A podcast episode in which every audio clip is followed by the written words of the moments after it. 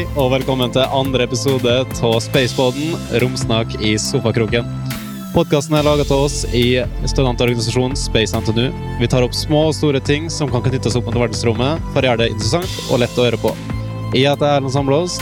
Mamma i sofaen har jeg Alexei Gusev. Hallo, hallo. Og vår faste deltaker, Eivind Hegseth. Hei, hei. Gjesten vår i dag er Ole Eid fra Orbital Machines. Hei sann. Hei, hei. Orbital Machines er en eh, Trondheim startup som i lag med NTNU, Sintef og danske Copenhagen Suborbital har utvikla elektriske turbopumper for oppskyting av satellitter. I tillegg til å utvikle nye typer turbopumper, har de òg valgt en litt utradisjonell måte å finansiere bedriften deres på. Det skal vi komme nærmere inn på senere i episoden. Først skal vi bli litt bedre kjent med det, Ola.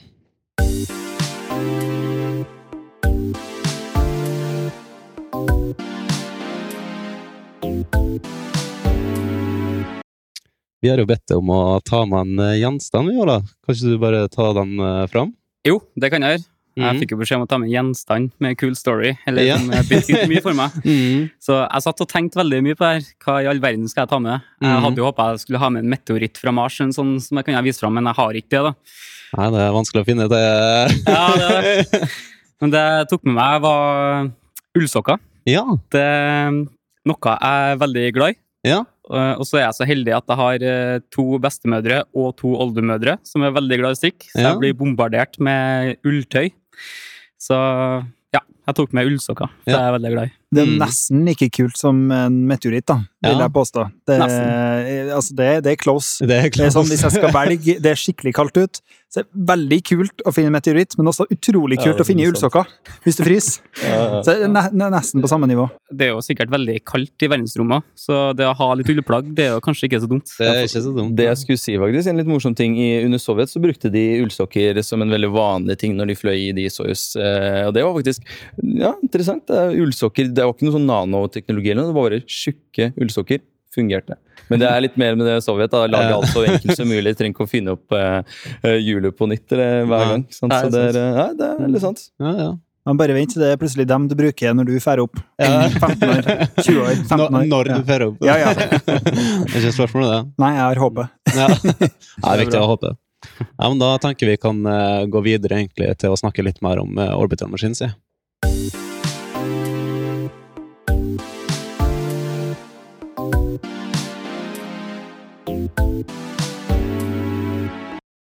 Dere lager jo elektriske turbopumper. Eh, kan ikke du forklare oss eh, hva, hva er en turbopumpe? Ja, det kan jeg gjøre. Turbopumpe det er drivstoffpumpa til en rakett. Ja. Så for raketter som, eh, skal, som har viss størrelse, og som skal plassere satellitter f.eks. i bane, Mm. så trenger du ei veldig kraftig drivstoffpumpe. Eh, og grunnen til det er at sånne raketter er 95% drivstoff. Det er basically en eh, bensinkanne som fer oppover, og så skal alt det drivstoffet pumpes i løpet av kun noen minutter. Så du Mm. trenger veldig kraftig pumpe. Og turbopumpa da, eh, er den logiske løsninga for å få til det. Og den tradisjonelle løsninga har vært en gassturbin som har drevet den. Eh, og så har det skjedd veldig mye ting på batteri og elektriske motorer på den fronten de siste årene, Mm. eh, som har gjort at teknologien har nådd et punkt til at man kan bruke elektriske turbopumper i små bæreraketter. Mm. Og teknisk sett så er ikke det da ei turbopumpe, Nå, det er ikke noen turbiner i det, Ja. men, eh, Ok. men for å illustrere at det ikke er elektriske pumper for akvarium eller kaffetraktere vi driver på med, Mm. at det er faktisk et alternativ til turbopumper, Ja. så kaller vi det for elektriske turbopumper i brandinga. ja, ok. Så det har vært mer mekanisk før, da? Eh, Ja. mm.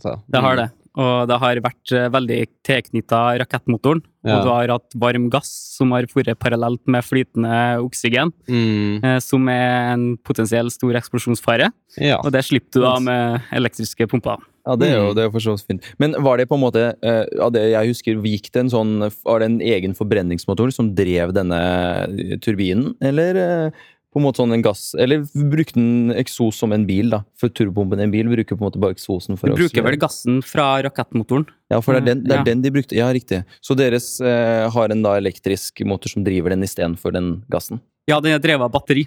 Ja, ok. Mm. Men de batteriene, hva gjør man med de etter at, eh, etter at man eh, Jeg vet ikke.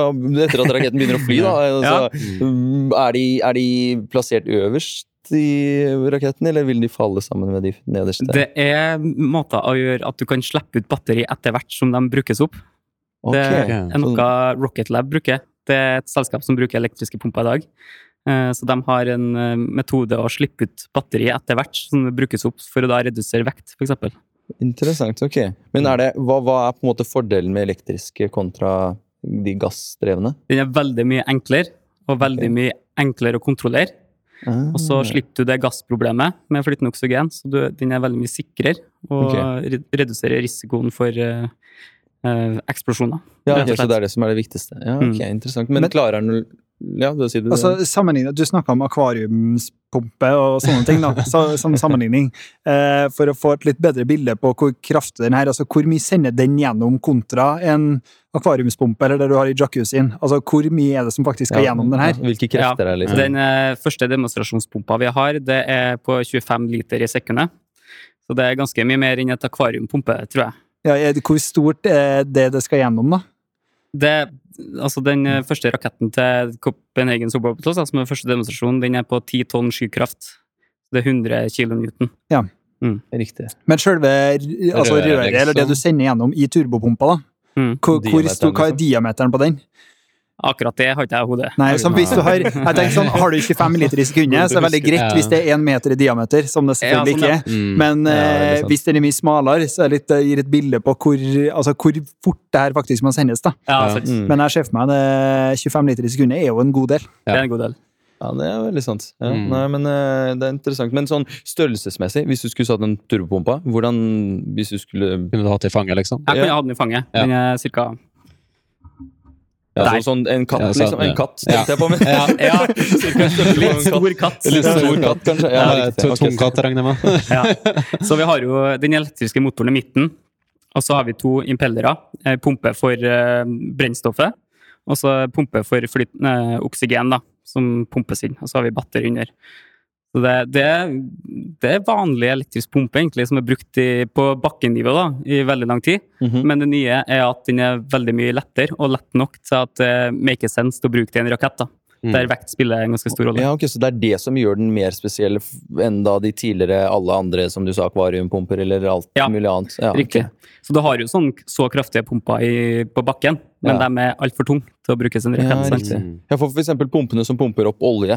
Eh, Jeg har jo hørt, eh, jeg husker jeg leste visen avisen her for litt siden, at eh, russernes de, som, de som Hva heter det? De bedriftene som lagde turbopumper før, har nå gått over bl.a. til å lage pumpene for olje og gass. Så de satte jo inn den, den nye gassledningen, eller den der, de rørene som de setter opp nå, bruker faktisk gamle, men da forstørrede versjoner av turbomber for eh, rakettmotorer. Så Det det er er, og det er, ganske, det er ganske interessant, men da er- regner jeg med at de er altfor tunge og altfor store. De er nok ikke så vektoptimisert som Nei, rakett. Sånn, sånn de er, ja. Det er helst å ha vekt, så de sitter på bunnen av havet. Ja, det er Så det-. Men altså, du snakka om at nå gir det endelig mening å ha det på eh, Var det småraketter du sa? Eller? Små bæreraketter, ja. Ja, små, altså, Mm. Hvor er grensa, og hvorfor er grensa der på hvor stor raketten kan være, før det ikke gir mening noe mer? ja. Altså, elektriske pumper har jo vært et konsept i mange tiår Mm. i romfarten, men uh, batteri han har vært for tung i forhold til hva de klarer å yte. Så det har nådd et punkt nå der det er brukende i små bæreraketter.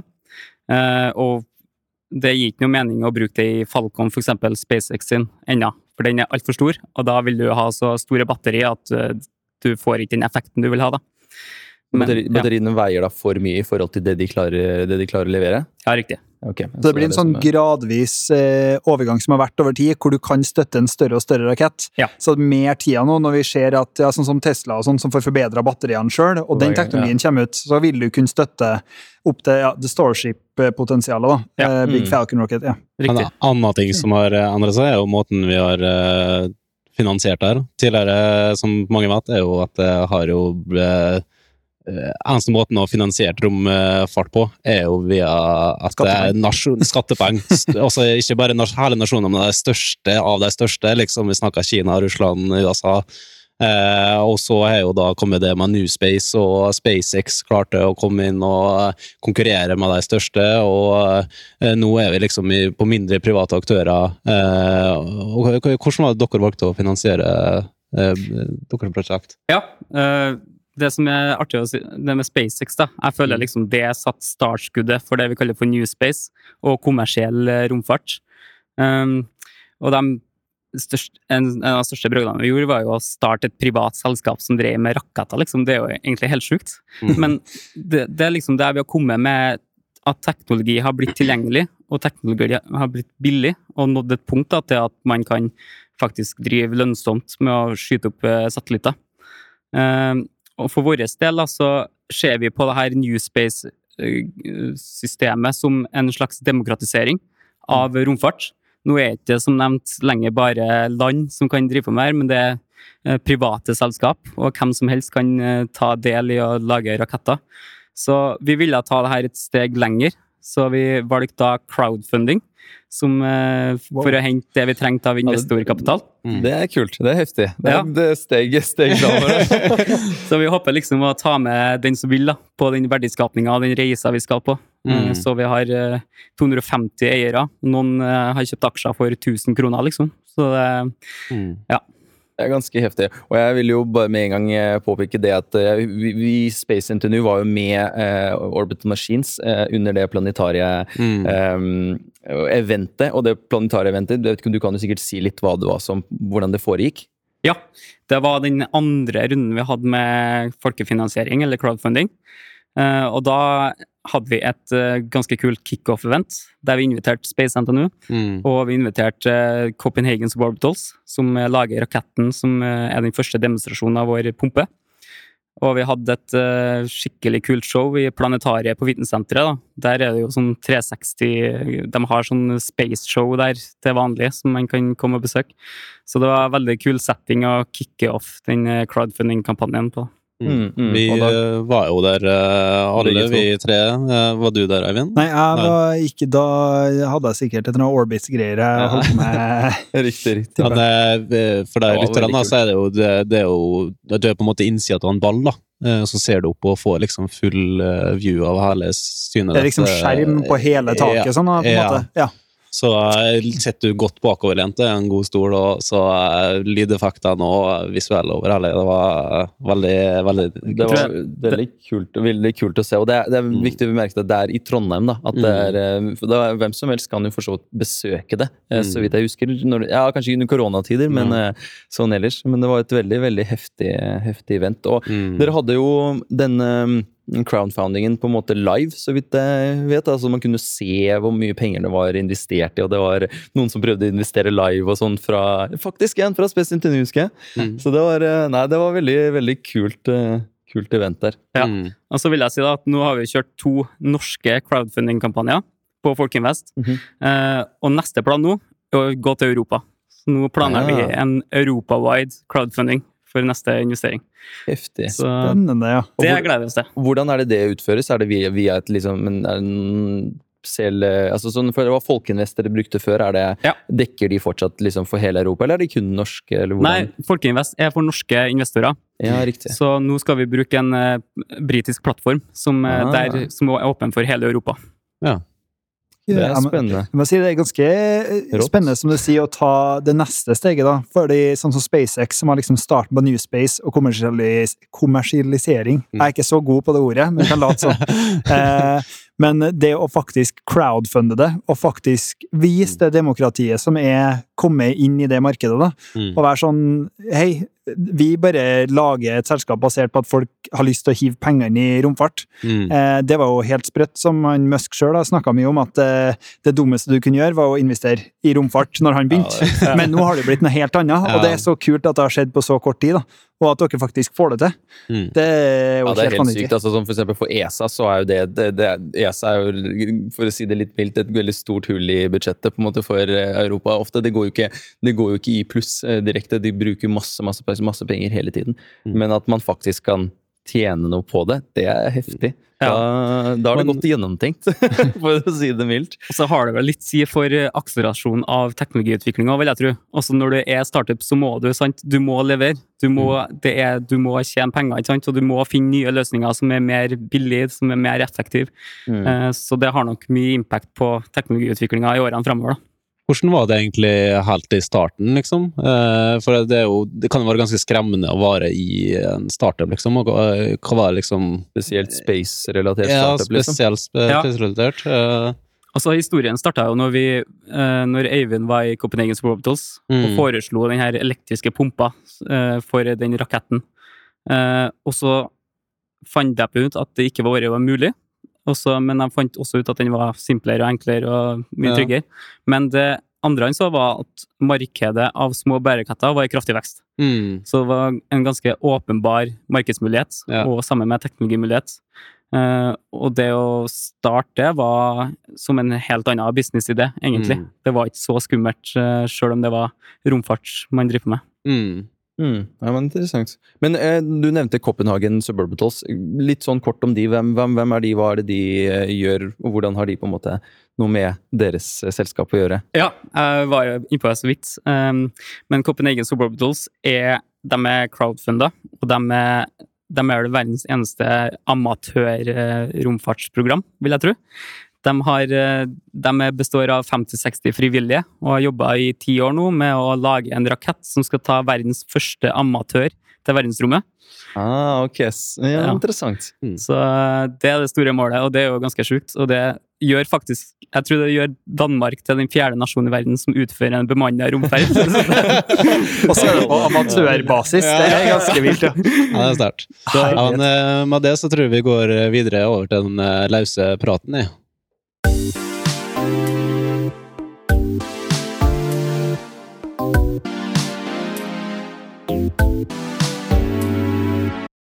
Ja, jeg gjorde jo litt eh, research eh, før jeg ja, før vi kom hit i dag, eh, og da fant jeg ut at du har studert musikk, og du er med i et band. Fortell litt om det. Ja, det er creepy at du snakka med meg, men eh, Nei, det stemmer, det. Jeg spiller i et band som heter Gnukk. Mm. Eh, og det er Ja, på fritida, da. Ja. Jeg kan ikke si at det er verdens mest hardtsatsende band, men vi har et, en eller to konserter i året, kanskje. Ja. Og med tanke på koronasituasjonen, så kan du tenke deg hvor mange plan planlagte konserter vi har nå. ja. Jeg hørte jo på noen av sangene, og det, det, dere er jo ganske innspissa med norsk og dialekt eh, greier. Men eh, Gnukk, hva, hva er opphavet i det navnet? Nei, det, for det første så er det ganske artig navn, tror jeg. Men, eh, Godt poeng. godt poeng. Ja, Men det kommer vel fra Det er oppkalt etter ei Jokke-låt. Jokke Ok. og Valentinerne. Ja. Som har en låt som heter Gnukk. Og den eh, låta handler om kjipe Altså litt sånn kommersie eh, managere i musikkbransjen. ja. Og gnukk betyr vel gnien. ja. Så det var litt sånn, eh, litt sånn inspirert av det. Det er litt sånn do it yourself music, på en måte. Ja. Det er litt sånn det som er inspirasjonen bak det. da. Mm. Ja, vår eh, lydtekniker er jo Alex Egisu, og han eh, gikk jo musikk på videregående. Uh... Ja, det litt, Da har vi en del til felles, merker jeg. Men nå har jeg ikke studert det, men på videregående så ble det jo musikk for min del. For jeg, jeg antok jo i starten at uh, det er Altså, ingeniør Ja, det er interessant å bli ingeniør, men jeg hadde veldig lyst til å bli producer. Hele, hele fram, Jeg tror hele ungdomsskolen så var liksom drømmen da, om å bli en producer. Og så begynte jeg på videregående, så ble det pianospilling, noter og hele den pakken der. Så ble det Det var gøy. Men eh, det var ikke det jeg skjønte at eh, jeg kommer til å liksom, klare å leve av. da. Så da Nei, bruker man det til å ikke, lage musikken for eksempel, til Spaceboden her, eller sette opp utstyret. og liksom, ja, det FIF får jo bruk for eh, studio og, utstyr og sånn. da, så det er, Kjekt og kan. det er veldig kult, ja. Så det at du også har det på en måte på siden, eh, eh, viser jo litt at man liksom, man må ikke være ultraingeniør eller eh, superøkonom eller hva enn det er for å på en måte starte startups og sånne type ting. da. Så det er, eh, mm, det er et veldig godt poeng der. mm, det, absolutt, og det at du ikke trenger å begynne Altså den der eh, Å ha vært skolestrever i det ene faglinja hele veien, fra starten, og det er romfart man har liksom brent for, og så skal du Du er ferdig med universitetet tidligere enn alle andre, og du liksom Mm. Det er dem som får det til, men det er Mm. ikke nødvendigvis det. Nei, Du, du kan bestemme deg helt til slutt. Da. Nei, men du, det her var en god idé. Og så få det til, da. Hva var egentlig veien fra da du gikk eh, musikklinja og så gikk videre på startup? Nei, jeg, jeg utdanna meg som eh, på BI, faktisk. Ja. På markedsføring og tok spesialisering i eh, forretningsutvikling for små og mellomstore bedrifter. Ja, Og da begynte interessen for startups. ja akkurat. Og det var den veien jeg gikk inn. ja. Og så traff jeg Eivind, som jeg har hørt holdt på med startup i space, og det Ja. hørtes altfor kult ut. Så da det havna jeg måtte der til bare slutt. delta på. Ja, det var jo for så vidt litt sånn jeg begynte i Space og var liksom sånn wow! Det, Ja, det må jeg prøve å Så bare bygge på den interessen, rett og slett. da. Ja. Mm. Det var det. Ja, for vi, vi er jo nå, bare for, så, så, så de som, så lytterne på en måte får vite litt, at eh, jeg går jo datateknologi, eh, fjerde året. Eh, Mm. Så det er jo på en måte mer eller mindre snart eh, ingeniør. Mm. Eh, Erlend, du går Jeg går eh, logistikkingeniør andre året. Eivind Og jeg er en hemmelig boks av ingen veit hva jeg gjør. Eh, Nei, jeg gjør ikke mye. Jeg er nå bare i orbit, jeg. Ja, nei. Jeg valgte interessen over studiet til slutt. Mm. Men eh, nei, det, det jeg syns er veldig kult, sånn som du nevner, det er at du har tatt inn ruta fra forretningsutvikling. Mm. Eh, og det at eh, det handler om akkurat det med romfart, har liksom vært veldig satt til sides veldig lenge til alle dem som kun var megainteressert i det tekniske i romfarten, og det var det det handla om. Du skulle være steingod, du skulle være flinkest, og så kanskje du endte opp med å jobbe for ESA eller noe sånt. da. Mm. Eh, men det at du nå, i alle fagfelt, så ser vi nå at i den kommersialiseringa som skjer, så kan man komme inn i den bransjen her, bare du har den lille interessen, så gjør det det, for da har du passion i det, og så klarer du å levere mye bedre. Eh, så det viser jo bare at du, du, altså du trenger ikke nødvendigvis å ha hatt eh, om det er kybernetikkmaster, men du kan ta noe helt annet. Har du interessen og ser muligheten, så kan du begripe den. Mm. Eh, kanskje Ja, jeg skal studere nå? Ønske jeg tror, jeg tror kanskje For min del, hvis jeg hadde starta ønske og motivasjon, det er vel det som kanskje er det viktigste. Jeg vet ikke Mm. hva du, om du føler det samme? At Ja, det er, absolutt. Absolutt. Det, det er jeg helt enig i. Mm. jeg trenger ikke, er det sånn, Noe kunnskap må man jo selvfølgelig kanskje ha, men, eh, men eh, jeg føler har man motivasjonen til det, så tror jeg man får til ekstremt mye. Ja. Så det er eh, Ja, Hva føler du egentlig er viktigst hvis du skal starte med en startup? Er det Ja. Som tips, liksom. Hvis du Ja. skulle, hvis du skulle ja, det, Ja, det, altså- det du kunne tenkt, da. ja, ja, ja. Nei, ja, det som er interesse er veldig spennende, for jeg kunne nada om teknisk romfart før jeg starta. mm. Så var det jo Eivind som hadde den tekniske kunnskapen. Eh, så en viss kunnskap må man jo ha, men eh, det er absolutt gjørbart for de fleste som har en liten teknisk bakgrunn, og som kan sette seg inn og har interessen til å sette seg godt inn i caset. da. Mm. For dere var, dere var bare to stykker ikke sant, når dere starta opp? Ja, stemmer. Eh, Eivind starta vel opp alene, og så kom jeg rett etterpå. Ja, sånn, ja. Ok, interessant. Men nå, da? Hvordan Har dere, har dere utviklet dere og blitt større, eller hvordan, eh, hvor mange er dere på en måte som jobber der nå? Ja, vi er vel totalt Vi talte over en dag. Vi var vel en 14 stykker eh, hele teamet nå. Eh, Og Ah, det er okay. alt fra faste ansatte til deltidsansatte til også en del studenter fra NTNU som skriver oppgaver om oss. Så Ah, interessant. bidrar. Så det, Hvor lang tid tok det fra dere på en måte var helt fra Når var det sånn året det startet? Eh, vi starta vel med den eh, første crowdfundinga, som var helt til slutten av 2018. Så vi starta vel for fullt å jobbe 2019, da. Januar ok, 2019. mm, så bare ett og et halvt år cirka, og da er det fra 2 til 14 eh, ansatte? Ja. Det er ganske kult, da. Så Ja. det er faktisk det er en ganske grei vekst, da. Som Ja da, det er det. Så nå handler det om å hente penger, så vi kan ta enda mer inn i ingeniørteamet da, til å gjøre forskjellige kundeprosjekt og sånn. Så Ja, det det går, det går unna. Ja, sånn. men det er heftig. Det er kult. Men har den interessen eh, eller ikke nødvendigvis interessen, men har det å begynne å jobbe i det feltet dratt deg til å ha en helt annen Altså, du driver med annen fritidssyssel og sånn enn før. Har du, har du fått mer interesse for space nå enn før, eller hva, har det skjedd en endring i livet ditt når du har satsa på space? Ja, interessen for space har jo eh, eksplodert, skal du si. Eller eksplodert er ikke noe vi skal bruke i romfart, kanskje. Riktig. Det er veldig mye interesse. Og så, jeg husker når jeg var sånn seks-sju år, så satte jeg så på program på NASA og sånn. Mm. Så tenkte jeg at eh, åh, det der har jeg lyst til å jobbe med. Og så er jo litt som du sier, jeg fant ut etter hvert at du må kanskje være veldig spesialisert på ingeniør og sånne ting. Eh, Det var noe jeg trodde da, når jeg gikk på videregående og valgte utdanningsløp og sånne ting, men så kom det tilbake til at jeg begynte å se den eh, kommersialisering av Newspace og sånne ting, at man kan faktisk jobbe i romfart selv om man ikke er eh, supergod på ett spesifikt punkt, så det har vært en runddans. Jeg husker akkurat det du sier med altså når man vokste opp, og jeg husker jeg også jeg hadde veldig interesse for det hele livet, og tidlig så var det den du ser astronautene som for opp eh, med skjørtlene, og det var liksom utrolig kult å se på, og det var det jeg ville gjøre. Men så var det den Å ja, du, du tror det var vanskelig å bli skuespiller, for eksempel i Hollywood. Mm. Eh, det å gjøre her, det liksom Det er så nåløye for at du skal få lov til For det er kun astronautene man tenker som driver med det. Ja, sant? Eh, og det er bare dem som får slippe inn og være en del av det.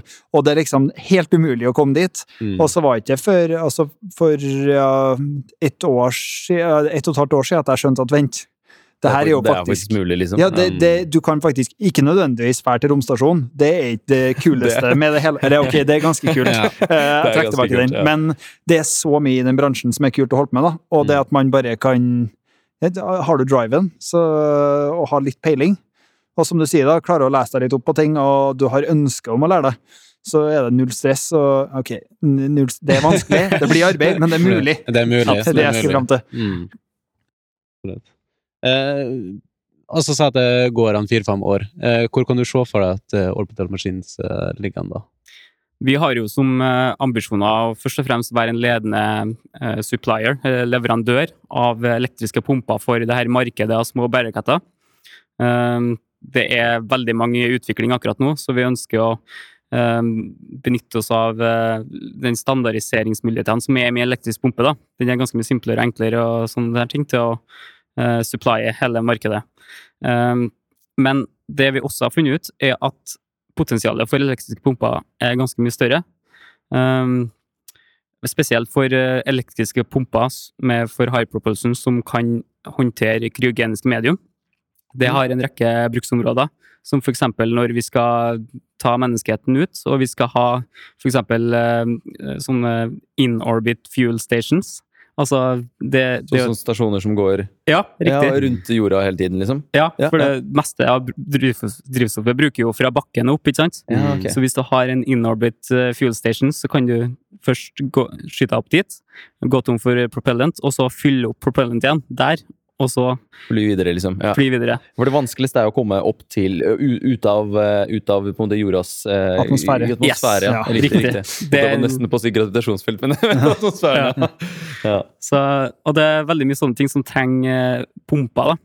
Eh, Så vi har lært det etter at vi starta, at potensialet er veldig mye større, og at vi kan bidra til ganske mye kult da, i framtida. ja, ok, Så fuele de som kommer opp, liksom, med det bruk av de, deres pumper? Ja, Ja, okay, og da kan du, ha, du må jo pumpe det fra fuel station til raketten som kommer og skal ha det. ikke sant? Så, Heftig. Det har jeg faktisk ikke tenkt på, at, man, det, at det bruksområdet faktisk er tilgjengelig, eller så finnes liksom, for eh, de pumpene. Ja, det Du har jo sett det på de Starship-fremvisningene vi har hatt, med det at ja, du har Du skyter opp flere, og så er det en som drar rundt og sender Ja. opp sender, og flytter ja, over. da. Riktig, riktig. Men da blir dere mellomleddet som på en måte skyter av gårde fra Ikke nødvendigvis til dem, men altså til sånne eh, type prosjekt, da. Ja. For å komme så langt som mulig.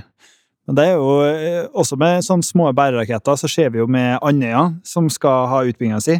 Det skikkelig kule er jo hvis dere, som folk herfra òg, blir en del av Det er jo masse nye eh, små bæreraketter som lages, som holder på å evalueres, som jeg har skjønt det, for Andøya. Eh, og det da å kunne være en del av de rakettene òg, som skytes opp her, det hadde jo vært steinkult. absolutt. Enda mer norsk industri i romfarten i Norge. Det, Ja, det er veldig sant. jeg krysser fingrene. altså. Men dere startet det det her i Trondheim, var det sånn? Eller var det Det var det, ja. ja riktig. Og nå er på en måte, hvor er det dere, dere er basert, sånn hovedsakelig? Vi er fortsatt basert i Trondheim, men vi har også en subdivision i Tyskland. der Ah, vi okay. planlegger og der vi driver og bygger fasiliteter for produksjon og testing. Da. Og det er litt sånn strategisk forankra med at det er hjertet av Europa, og Ja, at det veldig er veldig mye industri som eh, eh, Mye infrastruktur i Tyskland da, som vi kan ta nytte av når vi Mm. driver med produksjon og testing. For er det problematisk å sette i gang liksom produksjons... Eller så noen fabrikker eller sånt i, i Norge? Eller er det Ikke som jeg har hørt om. Det var mer at det var strategisk å dra til, ta det i Berlin, akkurat den delen. Ja, ok, Så det er det som, dere som gjør det enklere? Mm. Altså, når, når dere finansierte det her, så var det en del, en ny del på en måte i den New Space-greia. Altså, så føler dere er en slags eh, frampusher for den måten å finansiere, tror du? Eller uh, tror du det kan bli uh, mer populært etter at dere gjør det? Håper det. Jeg Ja. håper virkelig det. Uh, Altså, kanskje vi kan ha litt samme effekt som SpaceX hadde på kommersialisering på Mm, crowdfunding i space. Mm. Eh, og det er jo Det trengs jo fortsatt veldig mye penger i space, så kanskje det er løsninga gjør det. At vi, hele menneskeheten går sammen og er medeiere på det. Det har vært veldig kult. Mm. Absolutt. Hvordan er fordelinga av sånn privatfolk mot bedrifter som investerte? Er det helt åpent hvem som eh, Ja, så lenge du er norsk innbygger, så kunne du investere i oss. Ja. Så okay. da var det jo både folk som investerte 1000 kroner, vanlige folk, eh, og også litt sånn små ho- holdingselskap, da, for dem som investerer litt sånn småsummer og sånn. Mm. Så det var ingen som investerte mer enn 300 000, trodde jeg. Så det var liksom hele Ja, men det, det er en god slant, det òg, da. Ja, ja, ja. Det- ja, ja det er ikke så absolutt. mye mer enn 300 000. Men ja, når, de, når man snakker om space, så er jo ikke det så mye, ikke sant? Når du, så, Er vi er vant til å se NASA-budsjettet på Ja, de hvor mange milliarder? Ja, det er helt sinnssykt hvor mye som brukes. Det er jo mm. Men det her er jo penger som på en måte er sakte, men sikkert kommer til å komme tilbake igjen, da. Med tanke på at uh, det her skal være faktisk uh, lønnsomt å drive. Da. Absolutt. Så det, det er ganske heftig å tenke på at det faktisk er, eh, er mulig å få den tilbake for å drive med space. Det er tilbake til det vi snakket om. Det er, det er ganske heftig. Mm. Men altså, som eh, privatperson eh, når jeg snakka om ja, hvordan hverdagen kanskje har endret seg etter å ha vært inne, du har blitt mer interessert. Eh, føler du at, altså Sjøl så føler jeg veldig sånn Jeg har snakka om romfart og det som er ute i verdensrommet og sånn i flere år. Eh, folk som kjenner meg, kan vouche for det, men siden jeg har virkelig begynt med det, så er det sånn, det er ikke noe annet jeg snakker om, og det er kun det jeg liksom engasjerer, engasjerer meg for. Har du lagt merke til at du har blitt en sånn ambassadør for romfart nesten, til folk du kjenner? Absolutt, det har jeg merka.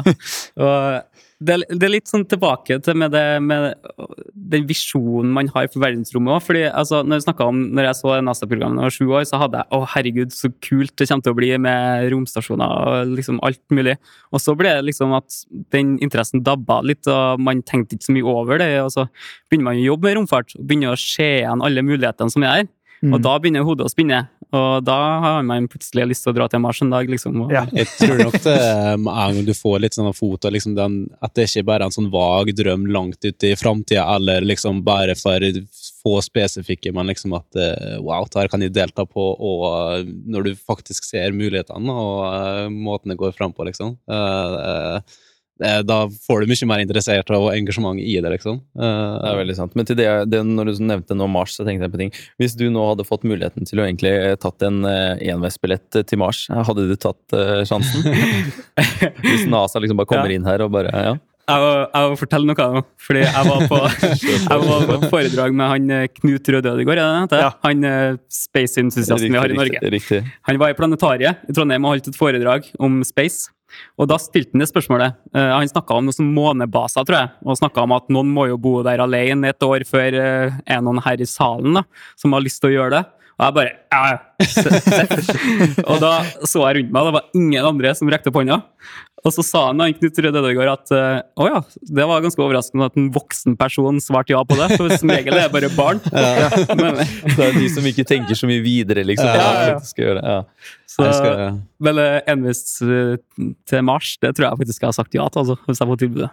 Ja, ja, men heftig. Det er kult. Det er ikke så mange som sier Som nettopp sier ja, sånn som du nevnte. Det er liksom veldig Ja, man kommer seg jo kanskje ikke Ja, tilbake. det- tenke, men eh, du Eivind, for eksempel, Ja. som er ve- og veldig engasjert har du kunnet tatt en NVS-billett til Mars?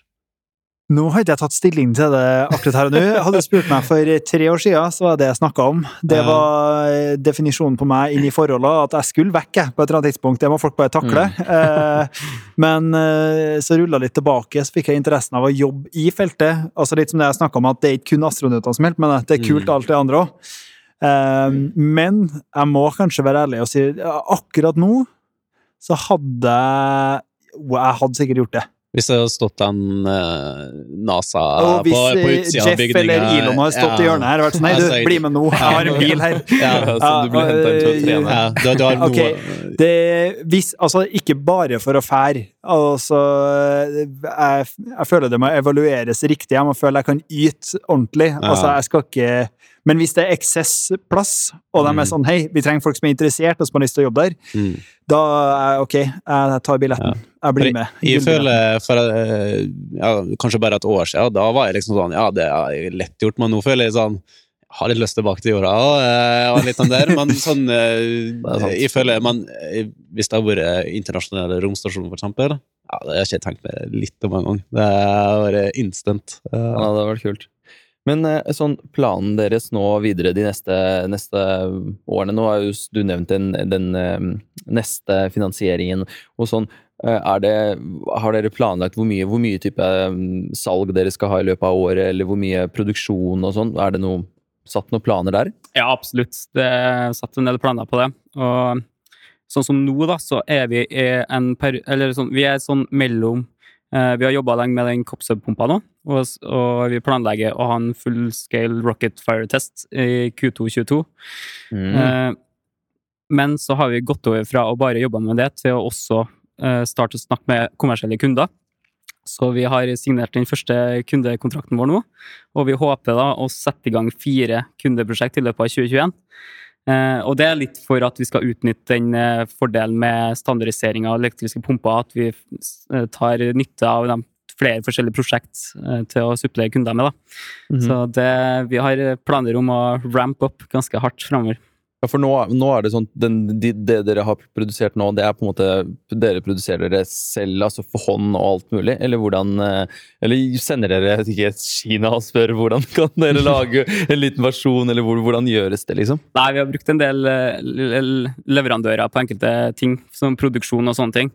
Mm -hmm. Men målet er å gjøre alt inhouse etter hvert. Ja, ok. ja. Så det er eh, Men alt av eh, Sånn, er det eh, Eivind som, som lag, lager det andre på en måte selv, eller hvordan Eller er det det teamet, når dere startet opp, hjalp noen han å liksom prøve å lage prototypen? Eller? Eh, designet gjorde Eivind ganske mye i starten sjøl, ja. Det er han som er eksperten på det, som har satt seg inn i det.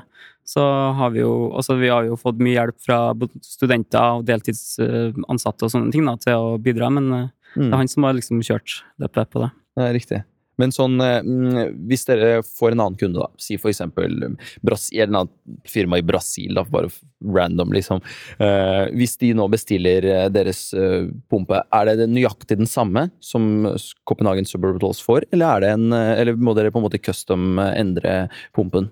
Vi må customize litt, ja. Så det har mest med hvor strømming og hvor trykk de har, har i rakettmotoren sin, da.